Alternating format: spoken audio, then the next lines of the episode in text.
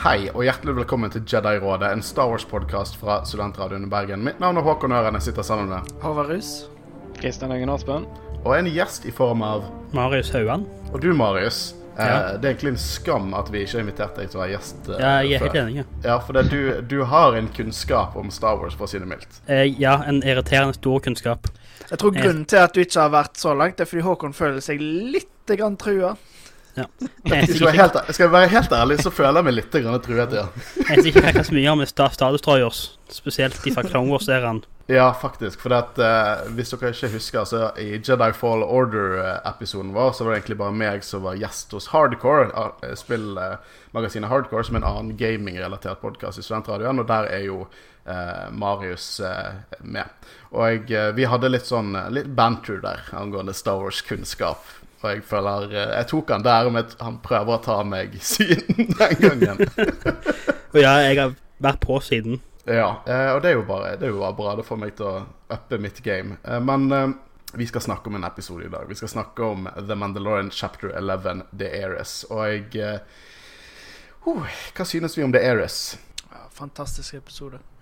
Det, jeg, jeg satt der med et smil på munnen gjennom hele episoden og liksom bare tenkte og, og Gjør de virkelig dette? Det jeg synes var litt gøy at Vi hadde bitte lite lukket liveshow eh, for et par uker tilbake. eh, der, vi, der vi innledet eh, 15 minutter om Mandalorians eh, før de viste eh, Mandalorian eh, episode 1 av sesong 2 eh, på Bergen Filmklubb. Og vi egentlig gjorde den gjengen i, i, i raden der klar for denne episoden. Vi snakket så mye om Darksabers og Bo Katan og, og alt dette her. Beklager hvis det er spoilers i denne episoden. Men eh, det, det, det, denne episoden eh, beskriver alt det jeg ønsker meg fra Star Wars. Og ja, Mandalorians, altså, jeg har mast om Mandalorians siden jeg så Attack of the Clones, men eh, denne episoden viser at de som lager dette her, de har peiling på sitt eget verk. De, de knytter alt. Og vi har allerede snakket litt om dette her i, når vi snakket om eh, The Marshall med Cobb Van, som egentlig bare var med i en liten nisjebok-trilogi, eh, og ble trukket inn i, kan jeg kalle det mainstream canon, live action canon. Eh, og, og det gjør de her til de grader, med små tidbits, eller større tidbits, fra serier som kanskje, animasjonsserier som kanskje ikke er eh, hovedfokuset for den alminnelige Star Wars-fan. Og det, er det jeg vil ha. Det, det, det, og jeg, så- jeg hadde tårer i øyet. Jeg kødder ikke. Jeg gråt. Jeg gråt i denne episoden, for det, er det jeg har ventet på. Og denne scenen blir bare bedre og bedre. Eh, Christian, du, du har nå sett Clone Wars og Rebel, så du må nå ha satt pris på denne episoden. Ja, absolutt. Uh, jeg uh, Altså, jeg, når jeg så første episoden, så var jeg Åh! jeg tror det beskriver egentlig følelsen av det. Nei da. Uh, jeg uh, beste episoden så langt i serien, helt ærlig, eh, av begge sesongene. Uh, Å se Bo-Katan var helt dødskult. Kjent fra uh, Mandalores Teacher of Mandalore. Det, eller dama til Obi-Wan Kenobi. Det, Jeg, jeg stikker inn til, uh, til jeg, jeg, likte, jeg, likte, jeg likte veldig godt uh, det du la ut uh, i gruppe... Jeg vet ikke hvem som la det ut. Det var bilde av um, Alec Guinness og uh, Bo-Katan og aldersforskjellen, liksom. Det var meg. hvor, ja, det var deg, ja. Ja. Hvor mye, hvor mye mer Hvor godt du har holdt seg. Ja. Det er det, Så lenge du har hjelm på, sant? så får ikke, Ja, ja, du får ikke sol på huden. og sånn, Du holder deg mye bedre. Eh, men denne episoden er regissert av Bryce Dallas Howard. Hun regisserte jo episode fire av sesong én, eh, som ironisk nok ikke var en av mine favoritter eh, fra sesong én. Og jeg, her lager hun noe som Jeg vet ikke helt hva følelsen min er 110 men det kan godt hende at dette er min favorittepisode så langt. Jeg hadde ikke utelukket at det er det. Eh, hun er jo også datteren til, eh, til Ron Howard, som lagde Solo. Eh, og episoden er skrevet av John Favreau. Og jeg, jeg gleder meg til å gå inn i, i plottet litt dypere nå. Så nok om introduksjon. Vi skal dekke The Mandalorian, chapter 11, The Heiress.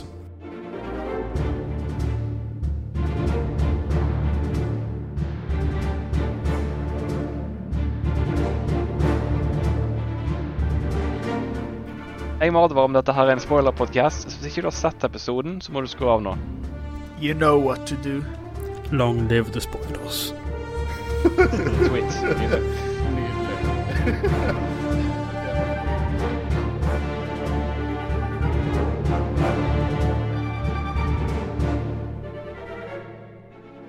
Så Mandalorian chapter 11, The Heiress. Eh, vi begynner rett etter episode 10, The Passenger.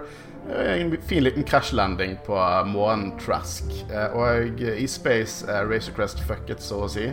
Og kontrollert faller ned mot eh, en av havneområdene på Montresk. Og her er en liten kul ting som jeg fant ut fra en tilfeldig Reddit-kommentar, var at det er en helt klar referanse til sin far, eh, Ron Howard, altså, sin film Apollo 13 når Razor Crest faller. Du ser liksom kondensen som drypper flammene når skipet treffer atmosfæren. Eh, Det er nesten bit for bit en referanse til sin egen far sitt verk. Det er jo ganske morsomt. Det er, Apollo 13 er jo en utrolig god film av eh, Ron Howard, så eh, morsomt å kunne gjøre sånne ting. Kan jeg bare legge til en ting når han faller? For at jeg leste det at uh, når, når du hører motoren bla, bla, bla, høres ødelagt ut, så har de brukt lydeffektene som de brukte på når uh, Anakin sin podracer i Phantom Menace uh, var sabotert. Det, det, Ja. det vil ikke høres plausible ut. Det er også at det er ikke noe lyd før de treffer atmosfæren. Det er vel første gang i Star Wars vi har sett at det ikke er lyd i space. Selv om det helt klart er lyd i space i Star Wars. Vi har sett et skip brenne på vei inn i atmosfæren òg før Star Wars. Ja da, episode tre ser jo vi uh, the, the Invisible Hand. Uh, skipet stemmer. til ja, Another Happy Landing. Uh, jeg syns også det er latt Jeg lo altfor mye av at når de nesten har klart å lande, så bare tar motoren og kicker inn, og så faller de i vannet der. Eh, jeg, jeg vet ikke hvorfor jeg syns det var så jævlig morsomt. Eh, men også en annen ting som jeg vil snakke Jo, for det, det var morsomt, for at eh, du så ikke ut til de skulle ploppe ned i, men så plutselig bare plopp. det var liksom ikke helt. Men det kuleste er når det ble løftet opp igjen, for det er veldig tydelig en tidligere 8080. Jeg vet ikke om det er teknisk sett en 8080, men det er helt klart samme familie. veldig. Ja ligner jeg, veldig. jeg, jeg ville kalle det en Walker-kran. Jeg prøvde å sammenligne med en 8080, for det første man tenker på, er jo en 8080. Men det er noen detaljer der som ser mer ut som at dette her faktisk er et spesifikt designet Walker. Men det er også basert på tidligere konsept fra Solo, eh, som vi ser brukt her. Eh, som jeg, jeg elsker det konseptet der. Sånn som eh, Death Trooperne og, eh, og Scarif Trooperne eh, i, i Rogue One er jo eh, på en måte utviklet videre fra concept art til First Order Stormtroopers. For det de gjør i Lucasfilm, er at de bare alltid kommer på med sånne gøye, små estetiske valg som de også vil bruke senere. Eh, Ja, de, de har ikke en trash can i PC-en sine. Ja, det, det, jeg syns det er skikkelig kult. Eh, og det gjør jo at kunstnerne som ikke får verket sitt eh, visualisert, får det kanskje senere. Men hvis jeg husker helt feil, så er de walkerne originalt inspirert av sånne maskiner på uh, sånne kaier i, i USA. Ja, det, sånne, det ser jo like Originale fra før av, så det er sånn callback, callback til det igjen. Og det, det er også noe en annen tanke som fikk meg til å tenke på det. Og jeg, jeg vet ikke om dette er spesifikt et design på disse walkerne, eller om de på en måte er produsert fra en tidligere militært eh, fartøy. Men eh, det er jo litt sånn typisk etter andre verdenskrig, der enkelte tankser ble bygget om til å ha andre formål. Som eh, mange som drev og hugget, eh, hugget trær og som brukte gamle sånne eh, tankser eh, med, som var malt om og tatt annet verktøy på til, til en annen, for, annet formål. Og det får jo bare meg til å tro enda mer på universet hvis, når de hinter til litt sånne ting.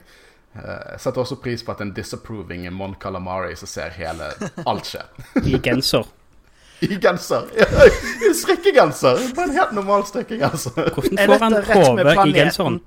Er dette månen til eh, planeten til Mon Calamari, eller er Til det Mon bare Cala. Jeg vet, jeg vet ikke helt om det er det, men jeg begynte, det er jo ikke Mon Cala. Jeg tok feil i, i, i mine eh, synsinger etter traileren. Men det er jævlig mange eh, Mon Calamari der, og det er jævlig mange Quarren. Så begge de rasene stammer jo fra Mon Cala. Så jeg kan se for meg at de, hvis det ikke er månen, så er det i hvert fall sikkert en koloni-offshoot fra Mon Cala. Det er eh, Col Iben, så det var ikke det systemet. Jo, men har vi hørt så mye om det før? Jeg tror det er nytt. Ja, det tror jeg òg. han skal liksom fikse det. Han sier han kan fuel it up. Christian. Hæ? Eh, Jeg, jeg, jeg pleier bare å bare si ignorere deg når du sier fuel. Ja, du bør nesten gjøre det. Da slutter jeg kanskje å kommentere Fuels. uh, men Frog Lady finner Frogman, og det er faktisk en ganske fin liten scene. Uh, det er rart hvor mye jeg har brydd meg om disse karakterene på så kort tid. Jeg syns litt synd på han Frogman, for han må jo bare stått der og vente i flere dager. Kanskje uker. Ja, for de møter de ganske tilfeldig bare på porten der. Mm. Eh, det er også en liten fun fact at Misty Rosas, som eh, var person i drakten til Coeel, spiller også Frog Lady. Så hun er også i drakten. Så på mange måter er Coeel fortsatt med oss. Eh, så Mando spør Frogman om informasjon om Mandalorians. Jeg vet ikke om han heter Frogman, men siden hun er, i creditsene er oppført som Frog Lady, så kaller jeg han Frogman, og nå er de Frog Family. Uh, I hvert fall uh, Frogman takker Mando, og han blir sendt videre mot et vertshus uh, og en shady lady ser på.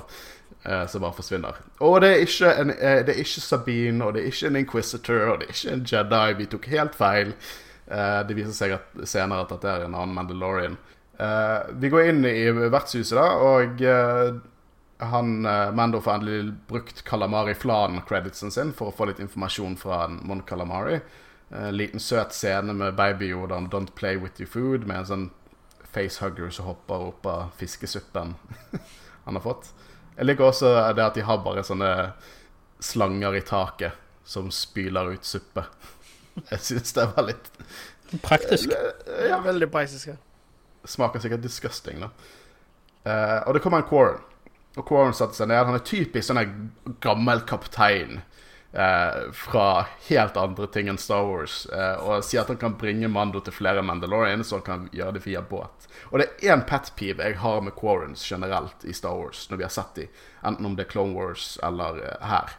Jeg kjøper ikke at det språket kom, den lyden av det språket som kommer ut av munnen deres, kommer ut av munnen deres.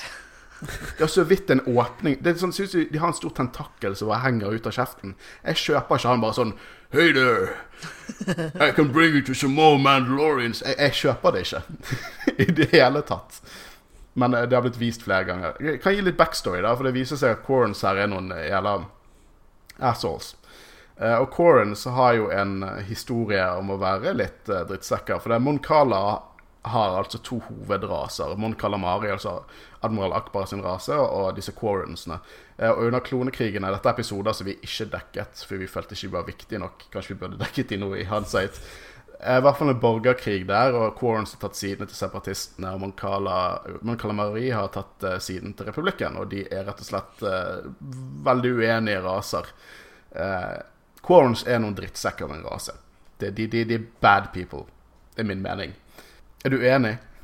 Nei, det er bare å kalle en hel, en hel eh, en rase for noe Finnes det én litt uh, good Quarren? Finnes det én good Quarren i denne episoden? Eller i Star Wars generelt. Jeg har ikke sett en eneste good Quarren i Star Wars. Jeg tror kun du kan spille som en Kåren i, eh, i noen spill. I, uh... Ja, På Rebel-siden, ja. ja. ja. Alle er ikke bad guy, men generelt Quarren, så nå er de med sine egne folk. De, bare, de har bare dårlig innstilling på, på ting. Eh, og vi får en jævlig kult filmet scene. Uh, bare shaky cam, musikken bare slår til, og vi får se Mando og Baby Yoda på en båt med fullt av Quarrens. Uh, en side av Star Wars vi egentlig ikke har sett. På en måte sånn skitne fiskere, og eh, alle har på seg uh, strikkegenser og sånne der, eh, eh, regnjakker, og jeg skjønner ikke hvordan noen av de får de på seg, for hodet er så jævlig stort. Og armene til Mon Calamari er svære sånn hummerklør mikset med hender. Hvordan i helvete får de på seg disse klærne? Elas- Samme kan vi sagt om Akbar, liksom. Sci-fi-garn. Eh, og eh, de er på dette skipet, da, og så sier han ene om, om barna har lyst til å se en Mamacore spise, at det er et kult ting for barn å se på. Og da tenker Mando ja, sure, det vil vi se. uh, så det som skjer her Og det, jeg har aldri hatt en større vært mer bekymret. Jeg vet jo at det går bra. Men en av de jævla piratene bare sparker den der uh, spacevognen til Baby Yoda ned i, i vannet. Og så kommer en forbanna uh, Forbanna liksom Watcher from the Lake fra Ringenes herre, uh, Fellowship of the Ring, og bare spiser han opp. Og, og bare Hva faen skjedde nå? så Amanda hopper etter og blir stengt inne, så de skal selvfølgelig ha Beskar og hans. Ironisk nok så er de ikke klar over at de sikkert kunne fått betraktelig mye mer hvis de bare hadde gitt barnet til de riktige folkene. Hva, hva tenkte dere når dette skjedde? Karma. Karma? Ja, altså, baby var det hele for å få til å spise haug med egg. Og nå ble han sjøl spist. I et egg. Du er, du er en av de der, disse eggene satt veldig hardt inne. også. Nei, jeg syns det var moro, jeg. Jeg bare syns det var litt uh... Ja, det er karma, ja. Ja, ja. Nå har uh, Baby Yoda spist så mange egg at han dør i sitt eget egg. Men jeg tror egentlig uh, Mando uh, etter hvert bør eh, begynne å slutte å stole på folk, fordi alle han får hjelp av, omtrent, vil ha Beskar-stål. Så det, det er jo ingen Han som kan han er ganske naiv, syns jeg. Desperat eller naiv. Eller bare male Ja. så ikke så åpenbart at det er Beskar. Ja, og han kommer til å male den. Jeg, jeg garanterer dere. Det gir bare mening at han kommer til å male den i løpet av noen av disse sesongene. Begynner med et par røde striper, noen J-guys, og så plutselig er den rosa. Jeg vet ikke, men han kommer til å male den. Eh, og nå skjer eh, noe av det største som har skjedd eh, i livet mitt nylig. Eh, for det at Bo fuckings Katan fuckings Crease dukker opp. Bo Katan Crease i live action dukker opp. Og det ser ut som Det ser ut som bare de har, de har bare gått til Rebels, tatt karakteren derifra og bare plassert henne i live action. Og det ser så forbanna awesome ut. Og hun er spilt av, av Sadie eh, Katie, Katie Sackhoff. ja, som spilte hun i Rebels også, og Clone Wars. Og er som sagt kjent fra Battlestar Galactica Riddick. Og uh, en real TV-serie sci-fi-dame som virkelig kan shitet sitt. Og, og det høres ut som Bokhatan. Det er Bokhatan på alle mulige måter. Hun dukker opp der rustningen er der. Det er Night Owls eh, eh, signet der. Hun dukker også opp med to andre eh, Mandalorians der. Eh, det var vel eh, X-Wolves. og eh, Hjelp meg her. Koska Reeves. Cosca Reeves, ja. Altså det X-Wolves. Det er ikke- det er ikke Og det er. X-Wolves. Ja. Cosca Reeves jeg syns jeg var bra Star Wars-navn, men han har eh, X-Body Spray, tror jeg. eh. Det høres ut som noe jeg hadde kalt meg sjøl i en Star Wars Dungeon and Dragons-campaign. Men i hvert fall, tenk da. Uh, Bo-Katan, all denne historien fra animerte seriene, Darksaber, Deathwatch, Siege of Mandalore, Kampen mot Empire Vi har snakket om denne karakteren. Det er ikke noe vits i å komme med en dypere lordom, for vi har snakket om denne karakteren så mye gjennom denne podkasten.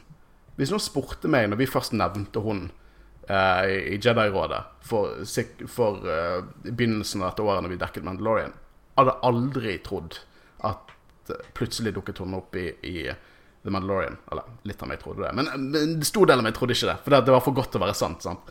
Uh, og det er helt nydelig å se henne her. Og barnet ble reddet av Reeves.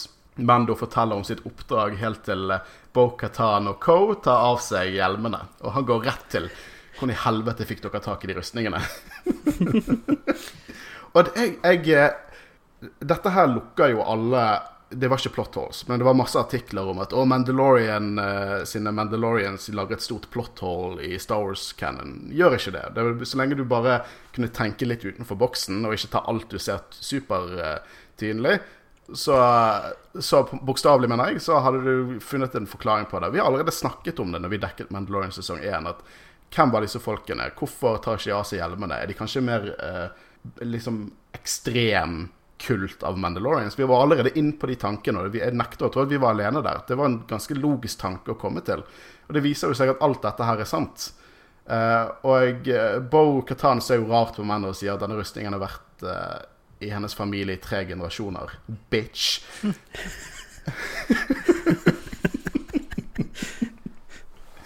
Og nå får vi noe enda kulere lorddoms fra serien, for det er at de sier faen, han er en av de. Og Bo-Katan forteller at hun er den siste av sin linje, og er født på Mandalore. og Hun har kjempet i The Purge, og hun forteller at Din Djarin er child of the watch. Og jeg eh, forklarer også det at The Child of the Watch er en kult av religiøse fanatikere som brøt vekk fra Mandalorian samfunn for å reetablere The Ancient Way, den urgamle måten. Eh, og Mando liker selvfølgelig ikke det. Han ser helt angrepet ut. Eh, Forfjamset ut. Sånn jeg kan tolke bevegelsene på hodet hans. og jeg sier den eneste veien er The Way of the Mandalore of flyr opp. Og nå vil jeg bare hold up. Nå, nå, nå, nå eh, har jeg lyst til å snakke om dette, for dette er stort. Det som har skjedd her, er stort. For igjen, Det forklarer hvorfor Mandaloriansene vi har sett opp til nå, ikke fjer- fjerner hjelmene. Og eh, The Children of the Watch Det er jo helt klart etterfølgere av Death Watch.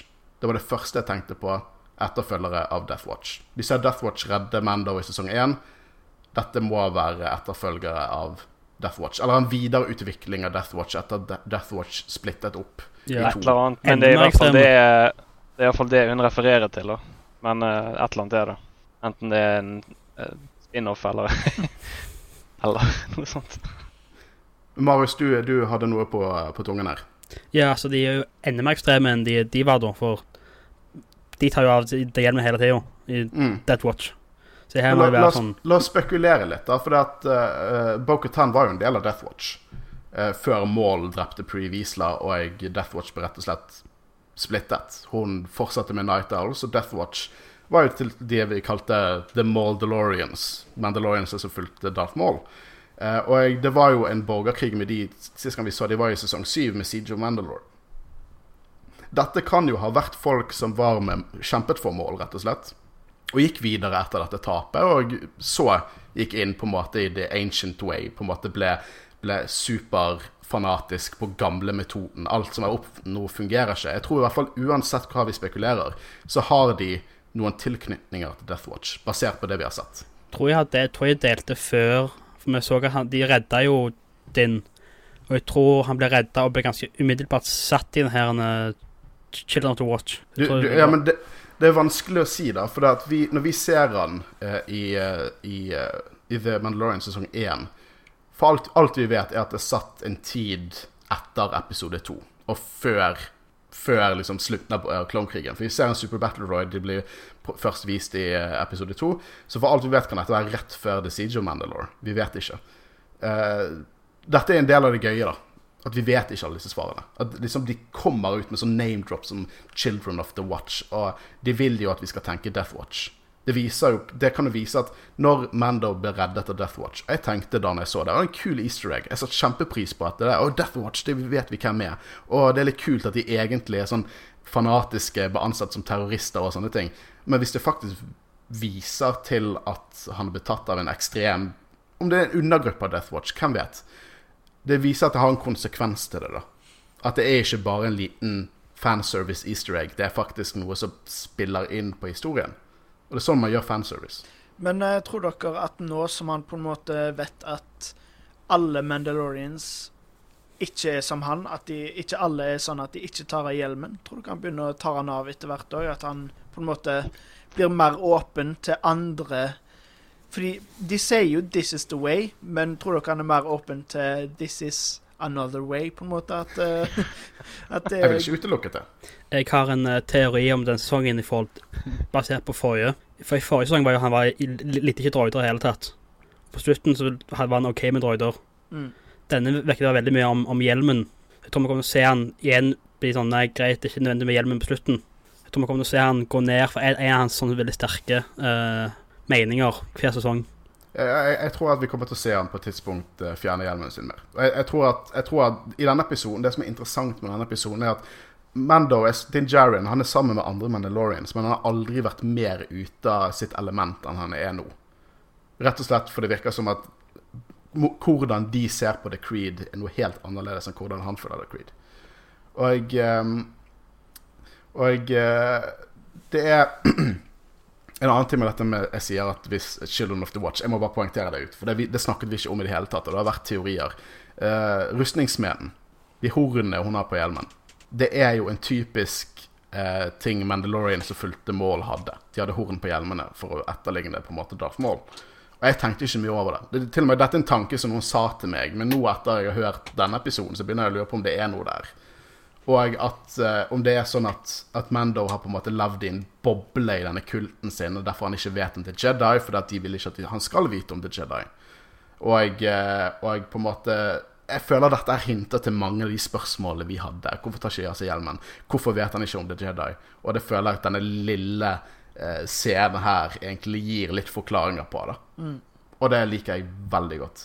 Eh, så Mando han liker ikke disse, her, så han flyr vekk fra Bokhatan og Co. Og vi får en liten scene der han ser på båten som de sprenger. Uh, og så blir han angrepet av flere Quarrens, der en klager på at han drepte bordene. Så jeg elsker dette konseptet som dukker opp hele tiden. Sånn, Hvordan våger du å forsvare deg når du blir angrepet av min familie? Jeg føler det er så typisk western-ting. Eh, og Bo-Katan og disse to andre dukker jo selvfølgelig opp og hjelper Mando enda en gang. Og da til slutt sier han ok, han blir med og tar en drink med dem. Og da begynner Bo-Katan å fortelle litt hvorfor de er. Uh, og uh, forteller at Tra Mohan Trask uh, sin havn på en måte har, jeg har vært liksom en, et fokusert område for salg i svartebørsen. og at våpen som har blitt betalt for av plyndere fra Mandalore, er noe de er ute etter. Ja, for de skal ha disse våpnene, og de føler jo selvfølgelig at det tilhører de, og de skal bruke det til å ta over Mandalore igjen. Og der får jeg et spørsmål i hodet. Hvem er Mandalore nå? Er det Moff Gideon? Er det, er det større gruppe Imperial Remnants? Er det bare en uendemark? Og hva er det stopper de for å ta over Mandalore? Jeg tror Empire ennå har Mandalore. For jeg tror ikke den nye, nye, den nye replikken gir en faen i Mandalore. Ja, men fuck New Republic. Holy shit, de er så jævlig Hva er det de holder på med? Hvorfor hjelper ikke The New Republic? Mandalorians var på lag med opprørerne. I hvert fall på enkelte store konflikter. Så hvorfor i helvete tar ikke de jævla boys og girl-scoutene som sitter der nede med, med liksom potteklippene sine og en robothånd og Mon Mothma og alle de drittsekkene der som liksom skal være the good guys, og bryr seg om galaksen i det hele tatt? Hva faen er det som skjer? Du må ikke du, altså, du må ikke glemme New Republic har mye å fikse opp i. Altså, Du må ikke glemme alt det Empire ødelagte. Og, altså, Det, det er en gjeng med dette, drittunger. dette, dette her tar tid. Dette er ikke gjort på én dag. Roma ble ikke bygd på én dag. vet, vet du hva dette her er? Dette her er dette er Karate Kid. Vi vet Karate kanskje Kid. egentlig skurken i Karate Kid. Vet du hva? Vet du hva? Eh, Det, det er faktisk noe jeg er helt enig med deg i, for jeg vet hva du refererer til. Ja, men, Men, akkurat, det er eh, akkurat det samme Nei, nei, nei, nei, nei, nei. New, New Jo, jo, jo. Republic. Nei, for de tenker sånn Uh, su uh, government sucks, man. I don't. I hate it.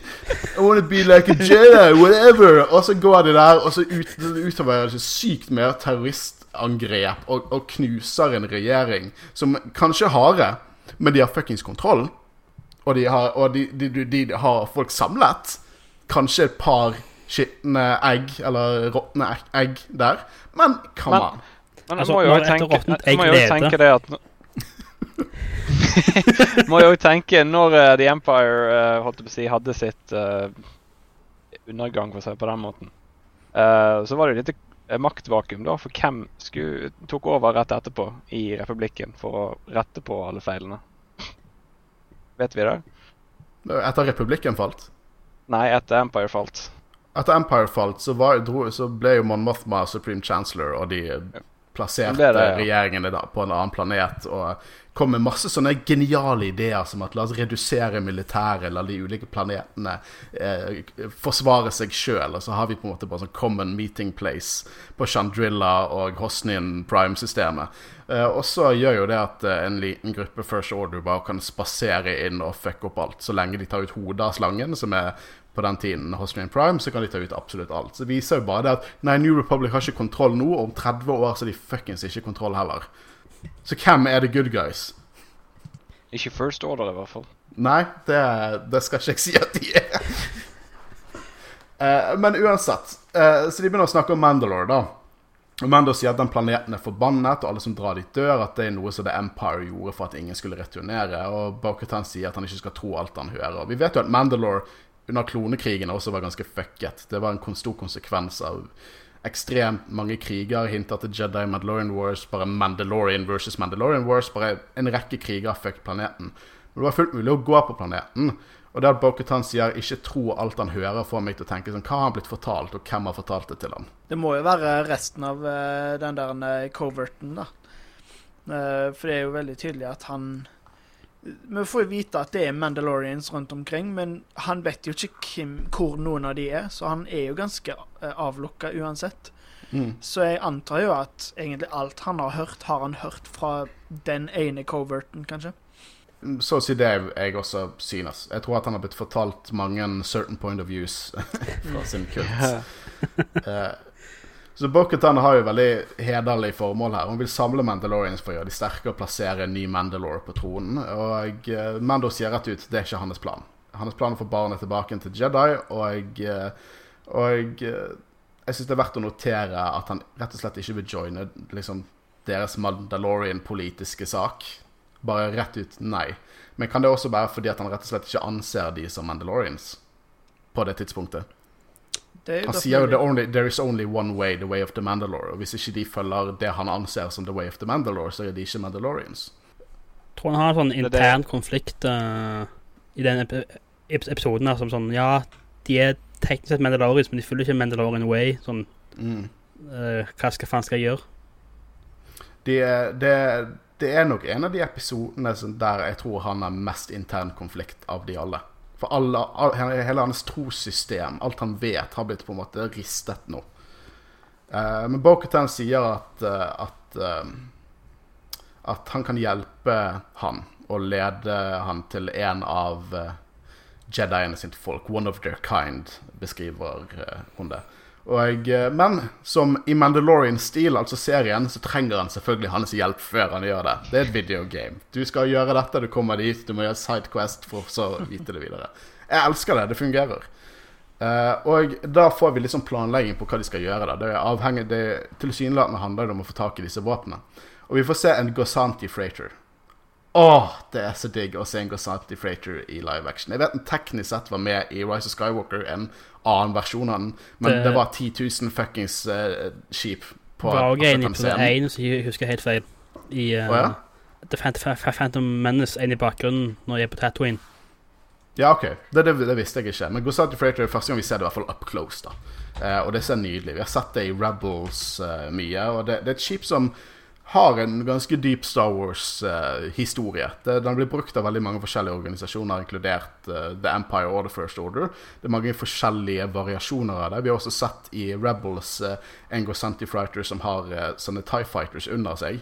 eh, som de på en måte hekter seg fast for å hoppe i lightspeed. Uh, det var også med i i eh, Star Squadrons nylig fikk vi se de. Og da får vi se de fint rendret. Det er et jævlig kult skip å se i live action, og det, det hypet meg veldig mye.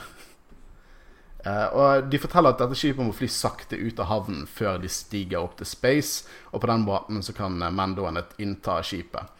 Eh, og de har en liten spøk om Stormtroopers som er alltid gøy, at de ikke kunne truffet siden av en Bantha.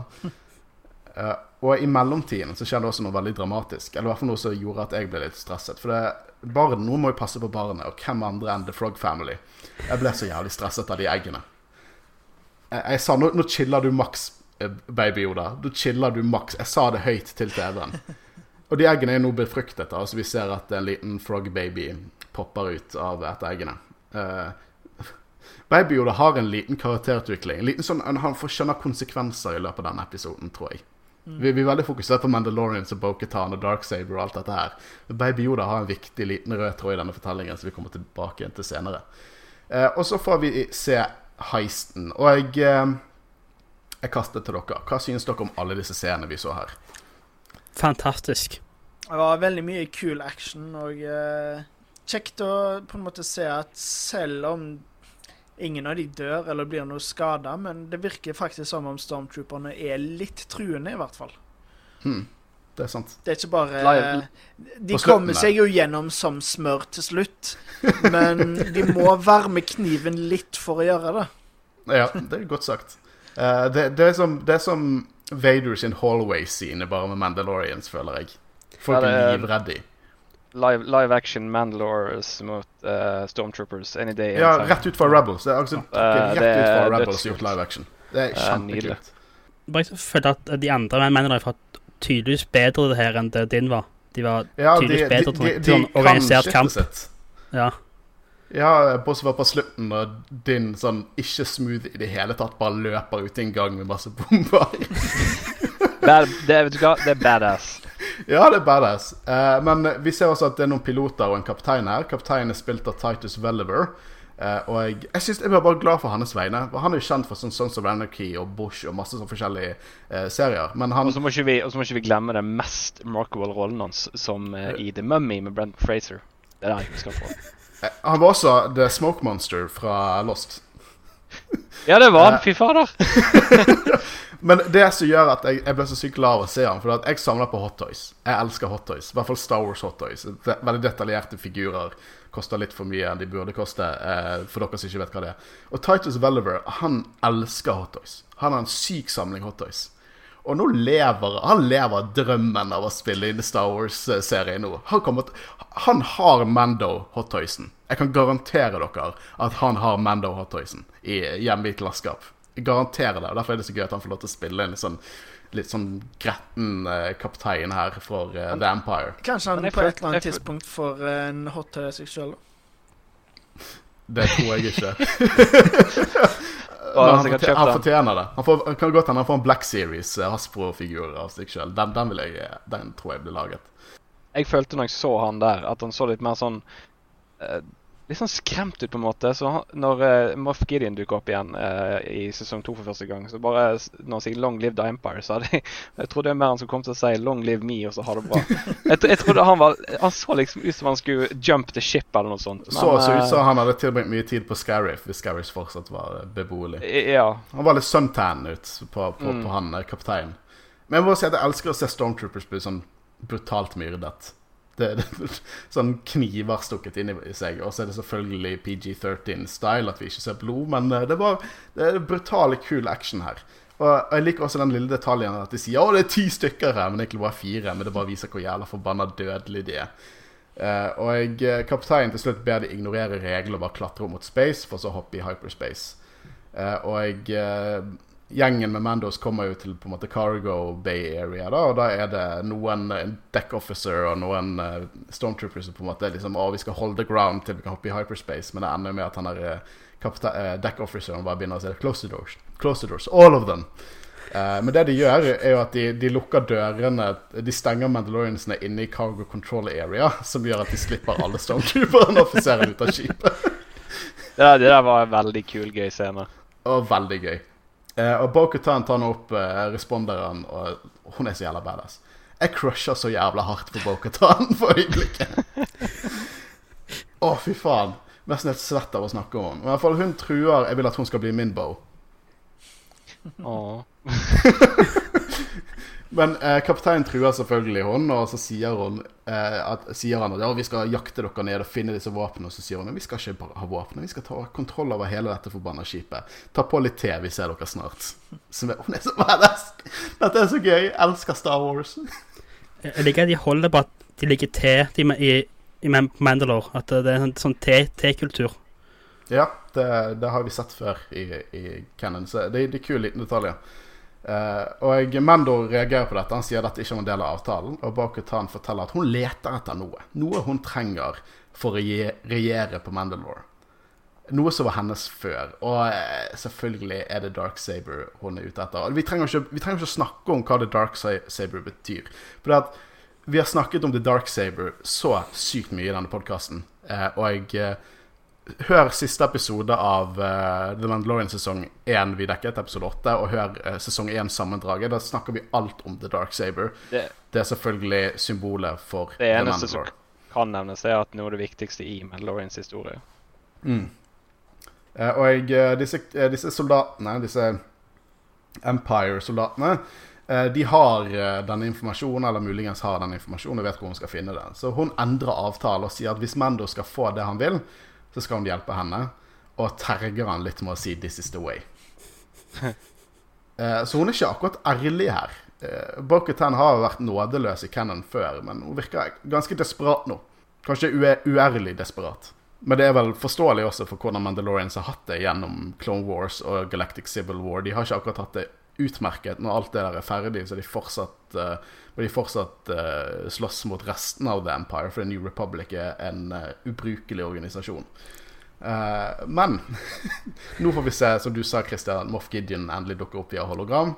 Og jeg forteller at ettersom de har tatt såpass mye av skipet, så vet kapteinen hva han må gjøre. Long live the Empire. Kapteinen dreper pilotene og skal fuckings krasje skipet.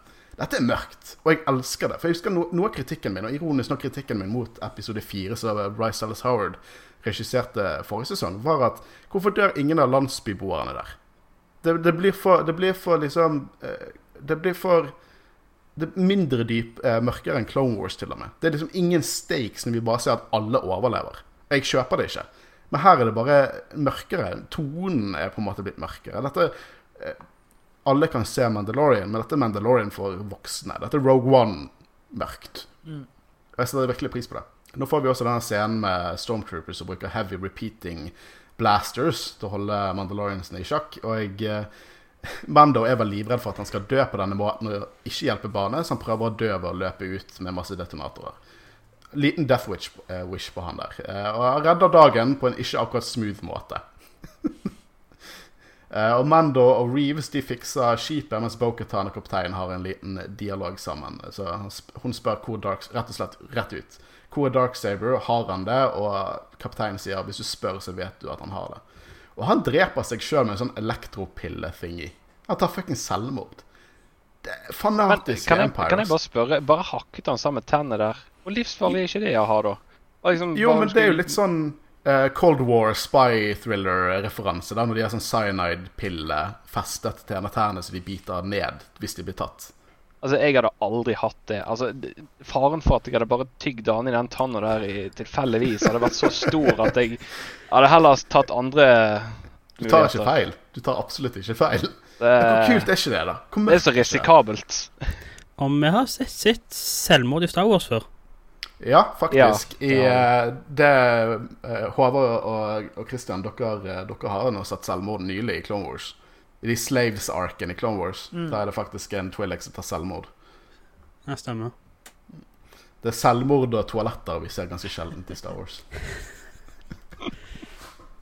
så så Mando eh, Bo-Katan spør Mando om han har lyst til å joine de, og nå virker det som han har litt annen tone. Han sier at han har dette greiene med Baby Yoda som må fikse. Men han snakker som om han har lyst. Det var sånn jeg tolket det i hvert fall.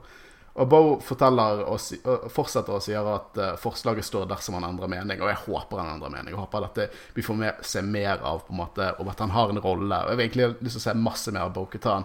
Jeg vet ikke hvor mye vi får. Jeg tror vi får han igjen. Jeg, jeg føler at vi bør få han igjen, sånn som denne episoden utspilte seg. Men hvem vet? Jeg tror det er serieslutt, ikke sesongslutt. Vi ser mer av det hun igjen. Ja, det, det kan jeg si meg igjen. Jeg, jeg fikk sånn forestilling at jeg så i live action at de tok over Mandalorian. Åh, det hadde vært så kult. Eh, men hun forteller at han skal dra til byen eh, Caladan på skogsplaneten Corvus. Og der vil han finne ingen andre enn Asoka Tano. Asoka fuckings Tano. Det er første gang vi hører noen si Asoka Tano i live action. Det blir så bra. Jeg skrek. Det føles så ekte ut. Sånn. Hun har jo vært caden lenge nå. Men å høre Men sånn, i live action, sånn ordentlig, sånn skikkelig Men jeg er Live helt action enig i det. For Clone Wars og Rebels er canon. Det er stålkontroll canon. Men liksom, Ja. det er noe ekstra når det dukker opp i live action. Det er noe mer med det. Det understreker det på en måte. Og fy, det jeg, jeg, jeg, jeg reagerte nesten mer enn når jeg så Bokatan dukke opp. Når jeg bare hørte Asoka Tano. Men det, det, det som skremmer litt Altså, ikke skremmer meg, men uh, Jeg er så redd at neste episode blir en filler. Jeg har Jeg så tror- jeg jævlig lyst til å se henne i neste episode. Jeg tror ikke vi får se henne i neste. Ja, jeg tror vi får se i episode fem.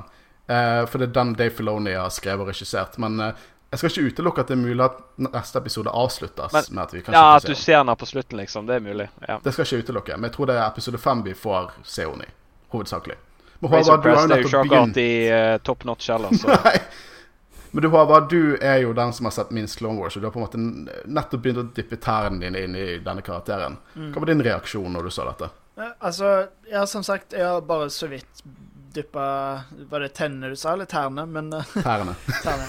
Uh, jeg har ikke så stort forhold til verken Asoka eller Bo-Katan, men jeg har jo allerede fått et godt inntrykk av hvem de er. Og uh, som du òg nevnte litt tidligere, så hadde vi et lite sånn liveshow uh, tidligere nå i, med, i, eh, med første episode av sesongen.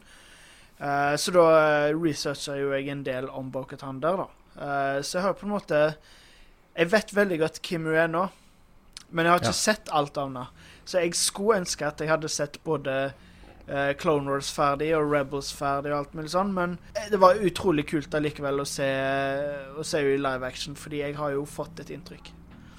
Jeg syns det er interessant det du sier der. For at, uh, i sesong 1, episode 8, når vi så The Dark Saver, så tenkte jeg veldig sånn at dette er awesome. Dette er awesome for alle. Han har en lightsaber. Det, bare det er awesome. Men uh, for oss som på en måte har sett Clone Wars og vet litt om Og Rebels og vet litt om Dark Saber, så på en måte er det den ekstra prikken over i-en. Uh, I denne episoden tenker jeg at det er enda mer større til den grad.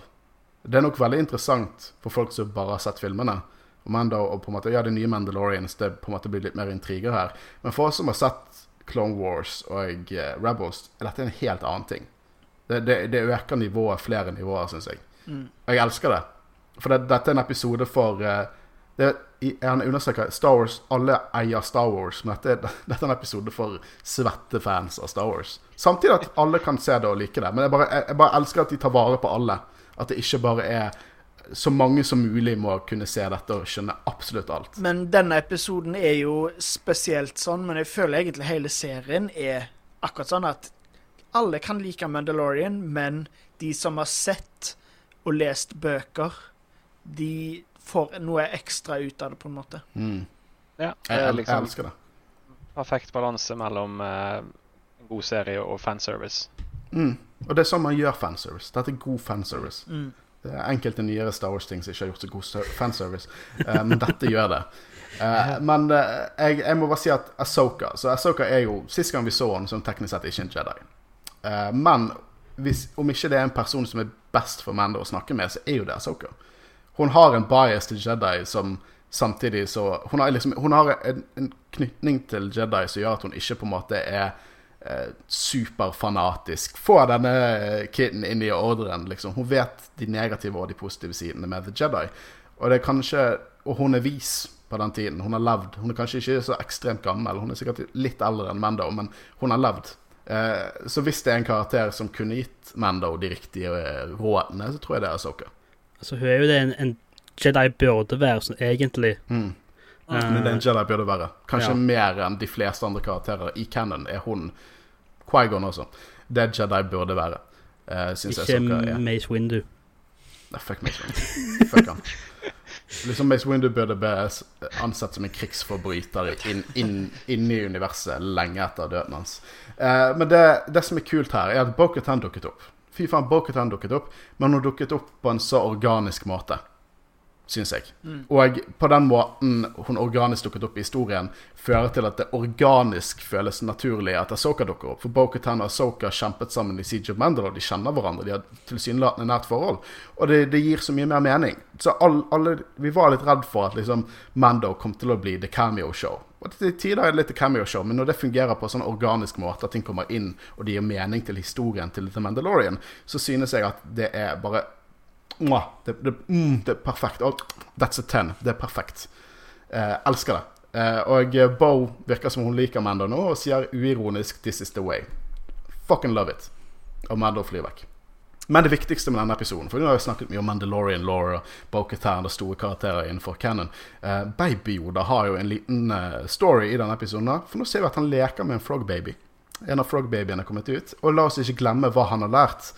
For kanskje han har lært noen konsekvenser for sine handlinger. Kanskje han har lært litt å være medmenneskelig. Selv om han ikke er et menneske, men dere skjønner hva jeg mener. Men jeg var òg litt redd for at liksom når Mando skulle komme og liksom banke på døra, så snudde alle seg, og så når de snudde seg tilbake, så hadde han en frosken i munnen. Så. Å, fy faen. Jeg var livredd for det. Å, fy søren, jeg var så redd for det. Men uh, han er jo grinete, og så uh, sier Mando at han har nok kjæledyr. Så det var en søt liten scene. Um, når de kommer ut, er skipet quote on quote fikset, kan du nesten si. Kanskje ikke. Sånn som Mando Sånn som Racer Crest er fikset nå. Det er som hvis du spiller et spill, sant? og så kan du innrede huset ditt sjøl. Og dette er på en måte fiskedelscenen. Eh, Fullt av garn og tau og shit. Det er som at du tok en fiskehytte og gjorde den om til et skip. Det er som hvis Racer Crest var produsert i Nord-Norge. Det er det Racer Crest er nå. Men minst av alt så er det fullt på drivstoff. Jeg, jeg, ser, jeg sa det. Og så får vi en liten facehugger-scene som bare er weird. Uh, var, jeg vet ikke hvorfor den var med. Jeg, Jeg likte den, da, I guess. En sånn facehugger-ting. Prøver å spise Baby-Yoda, men så tar Mando og dreper han, og så spiser Baby-Yoda den. Hvordan Mando kunne se, se den i hjelmen, er et annet spørsmål. Det greit. Vet du hva, Det er jo en annen ting, da. Uh, så i Legends Dette har ikke blitt bekreftet 110 da, men jeg hadde en av de første Star Wars-bøkene jeg hadde, var Visional Dictionary til originaltrilogien. Og da var det to fulle sider om alt utstyret til uh, Bobafett. Og du vet at de har sånne De kaller det keyholes uh, bak på hjelmen. Prop Community kaller det keyholes. Uh, og eh, der hadde han sensorer som gjorde at han kunne eh, ha oversikt i 360 graders vinkel. Det er godt mulig, hvis det fortsatt er canon, at han har enkelte sånne ting som kan poppe opp. Eh, så derfor ser han den. Men den mest riktige måten hvorfor Mando ser eh, den facehuggeren, er jo fordi at eh, han er Det er kult. Ja. Men jeg skal også si, som eh, mine venner i Potter-generasjonen sier, at metagrunner er ikke gode grunner. Så skal vi konkludere litt denne episoden? Jeg vil høre litt mer fra dere. Eh, alt i alt, hva, hva, hva synes dere om denne episoden? Hva vil dere gå litt mer inn på hva synet deres er? Det var en veldig god episode, og uh, jeg var litt bekymra. Uh, fordi når jeg først starta den, så så jeg at det var mye kortere enn de andre. Fordi jeg har likt veldig godt at de har gått litt lengre enn de gjorde forrige sesong. Men det var egentlig en veldig passende lengde på den episoden. Det Perfekt trengte lengde, ikke være mer. Jeg òg følte at han uh, varte så lenge som han uh, kunne vært. Og så syns jeg det var stilig faktisk å være på en båt ute på havet. Det var ganske kult. Mm. Uh, Selvfølgelig elsker du å være ute på båt. jeg bor jo på båt, så det er liksom, liksom stilig. Eh, og det blir ble introdusert for Bo-Katan og uh, høre om referanser til det som muligens er Death Watch. Det, nei, var absolutt en dritbra episode. Den beste så langt, føler jeg. Jeg, jeg, eh, må nesten si meg ganske enig der. Den diskuterer bare den beste episoden for meg òg. Og jeg eh, den, den, Som sagt, den, den, denne episoden beskriver alt jeg noen gang har ønsket meg fra Star Wars. Så kun jeg eh, hørte fra storygroupen at alt er knyttet, alt skal liksom gi mening. Denne episoden ga meg det. Den ga meg en payoff som lite fra Star Wars har gitt meg på den måten. Jeg elsker Star Wars. Liksom, jeg ser Jeg, jeg har elsker liksom, Jeg liker fortsatt Rise of Skywalker. Jeg har problemer med den, den kunne vært bedre. Men jeg liker den mer enn jeg misliker den. Men dette her, dette elsket jeg. Det og du kan tenke deg at vi snakket om, når vi snakket om episode 1, hvor god kvalitet og hvor hypet vi var for at dette var så bra. Og så tar det ett steg videre nå. Lurer på hvor, hvor jævlig høyt kan de faktisk gå her? Det Ja, er det er så sjukt. Fy, fy søren. Det, jeg, jeg er så spent på å se Ashoka og hvordan de kjører den storylinen. Det er Og jeg gleder meg til å høre deg snakke om Ashoka. eh. Rebels! Men alt er knytt den, den, Denne episoden ga meg, helt uironisk, null tull, et tåre i øyet. Jeg, jeg, jeg liksom Jeg følte det var laget for meg, for alle, men også for meg. Jeg følte at de tenkte sånn Håkon, hva vil Håkon ha her? Vær så god, Håkon Øren, som driver en, eh, er med å drive en liten eh, norsk Star Wars-podkast. Her er episoden du har ønsket deg. Men la oss snakke litt om hendelser som skjer i denne episoden. For at Mando sin tro er nok ristet. Til de grader. Og jeg tror dette kan føre til en konfrontasjon med rustningsmenen. Jeg håper det. For jeg, jeg tror jeg kan se det komme. Jeg likte det Håvard sa, hvis han bare går bort til henne og så spør han Is there another way? Vet du hva, Jeg ser for meg en scene der han tar av seg hjelmen og, sier, og snur seg og sier 'This is the way', og så går han. Å, det er brutalt. Men jeg, bare, jeg elsker hvordan Mando, historien om The Mandalorian og barnet er en veldig lokal og intim fortelling. En liten fortelling. Men han ofte leker i liksom, større basseng med større skala-events, som overtakingen av Mandalore og liksom uh, Dark Saber, Imperial Remnants og alt dette her. Og jeg syns det fungerer så fantastisk, for det er fortsatt Man Mando sin historie. Veldig denne episoden. Det er fortsatt Mandos en historie. Eh, og jeg liker den måten å fortelle historie på. For det, du går liksom ikke vekk fra det som skal være fokuset. Fokuset skal være Mandalorian og barna. Jeg vil fortsatt at det skal være fokuset. Men de, de klarer å balansere det på en veldig god måte. Det, det setter jeg pris på. Ja, det er jeg helt enig i. Så jeg, jeg, gleder meg veldig til å se hva andre ting de klarer å trekke inn òg. Om det er bare ting som er som har med Mandalorians å gjøre, eller om de får se andre ting fra Star Wars òg. Jeg lurer på hvordan de kommer til å håndtere The Jedi. Jeg. Det er jeg veldig spent på. Altså, i Altså de som har, sett, har du sett Captain Marvel? Ja. Hvor nydelig de uh, de-aget uh, Samuel L. Jackson i den filmen. Skal de Altså, de-age de-age Det Josh går! Nei, Josh det Lucas. går! Josh Lucas. de kan! Hvis, hvis teknologien er så bra, så kan de gjøre det med Luke, egentlig. Men Luke er jo liksom Han, han har ikke den kroppsfasongen han en gang hadde. Nei, men det kan de fikse i eh, Men, CGI. vet, men ikke helt ærlig så vet jeg ikke om jeg har lyst til å se Luke. Eh, Det hadde jo vært litt sånn artig hvis uh, Soka hadde møtt uh, Luke uh, i forhold til at faren til Luke var Ahsoka Nå er jo det fortsatt rykter om at det er en sequel-serie til Rebels med Ahsoka Sabine. Og jeg tror at hvis Ahsoka skal møte Luke, så skjer det nok sikkert i den serien. Ja, Det vil jeg gjette. Jeg tror ikke Ja. det vil skje i Mandalorian. Men hva, hva vet vel jeg? Nei, nei, det- det- 90% av spekuleringen min var helt feil om den her. Så. Det er gøy å spekulere, selv om jeg altså, jeg er ikke veldig sikker på at vi ser Luke, men jeg hadde ikke, det hadde vært kult, liksom. Men jeg vet, det var kult. Ja, ja. Og vi skal ha Bobafett også. Jeg har helt glemt at Bobafett. hvem bryr seg om Bobafett? Vi har Bo-Katan og Soka. Jeg trodde virkelig han kom til å komme før Soka, så jeg er spent. Mm, jeg er veldig spent. Eh, jeg, jeg har også spurt på Instagram hva våre lyttere synes om denne episoden. Eh, må, det er ikke så mye å diskutere rundt denne gangen, fordi at dere elsket det. Jeg skal bare kaste opp noen siteringer her. Dritkul. Top notch Star Wars. Samboeren min ble litt frika ut over antall ganger jeg skrek ut i excitement. Eh, ditto. Det skjedde med meg også. Her er den beste episoden så langt. Elsket den. Nydelig hjerte. Kanskje den beste hittil. Love it. Helt syk. Dumt at den bare varte i ca. 40 minutter, men kvaliteten over kvantitet, am I right? Den varte jo mer 32 minutter, så det sier jo litt av hvor mye du fulgte med på tiden. Så kanskje det er akkurat den tiden den trengte å være. Den beste så langt. Episk. Awesome. Dere elsker det. Dere virker relativt enige med oss her.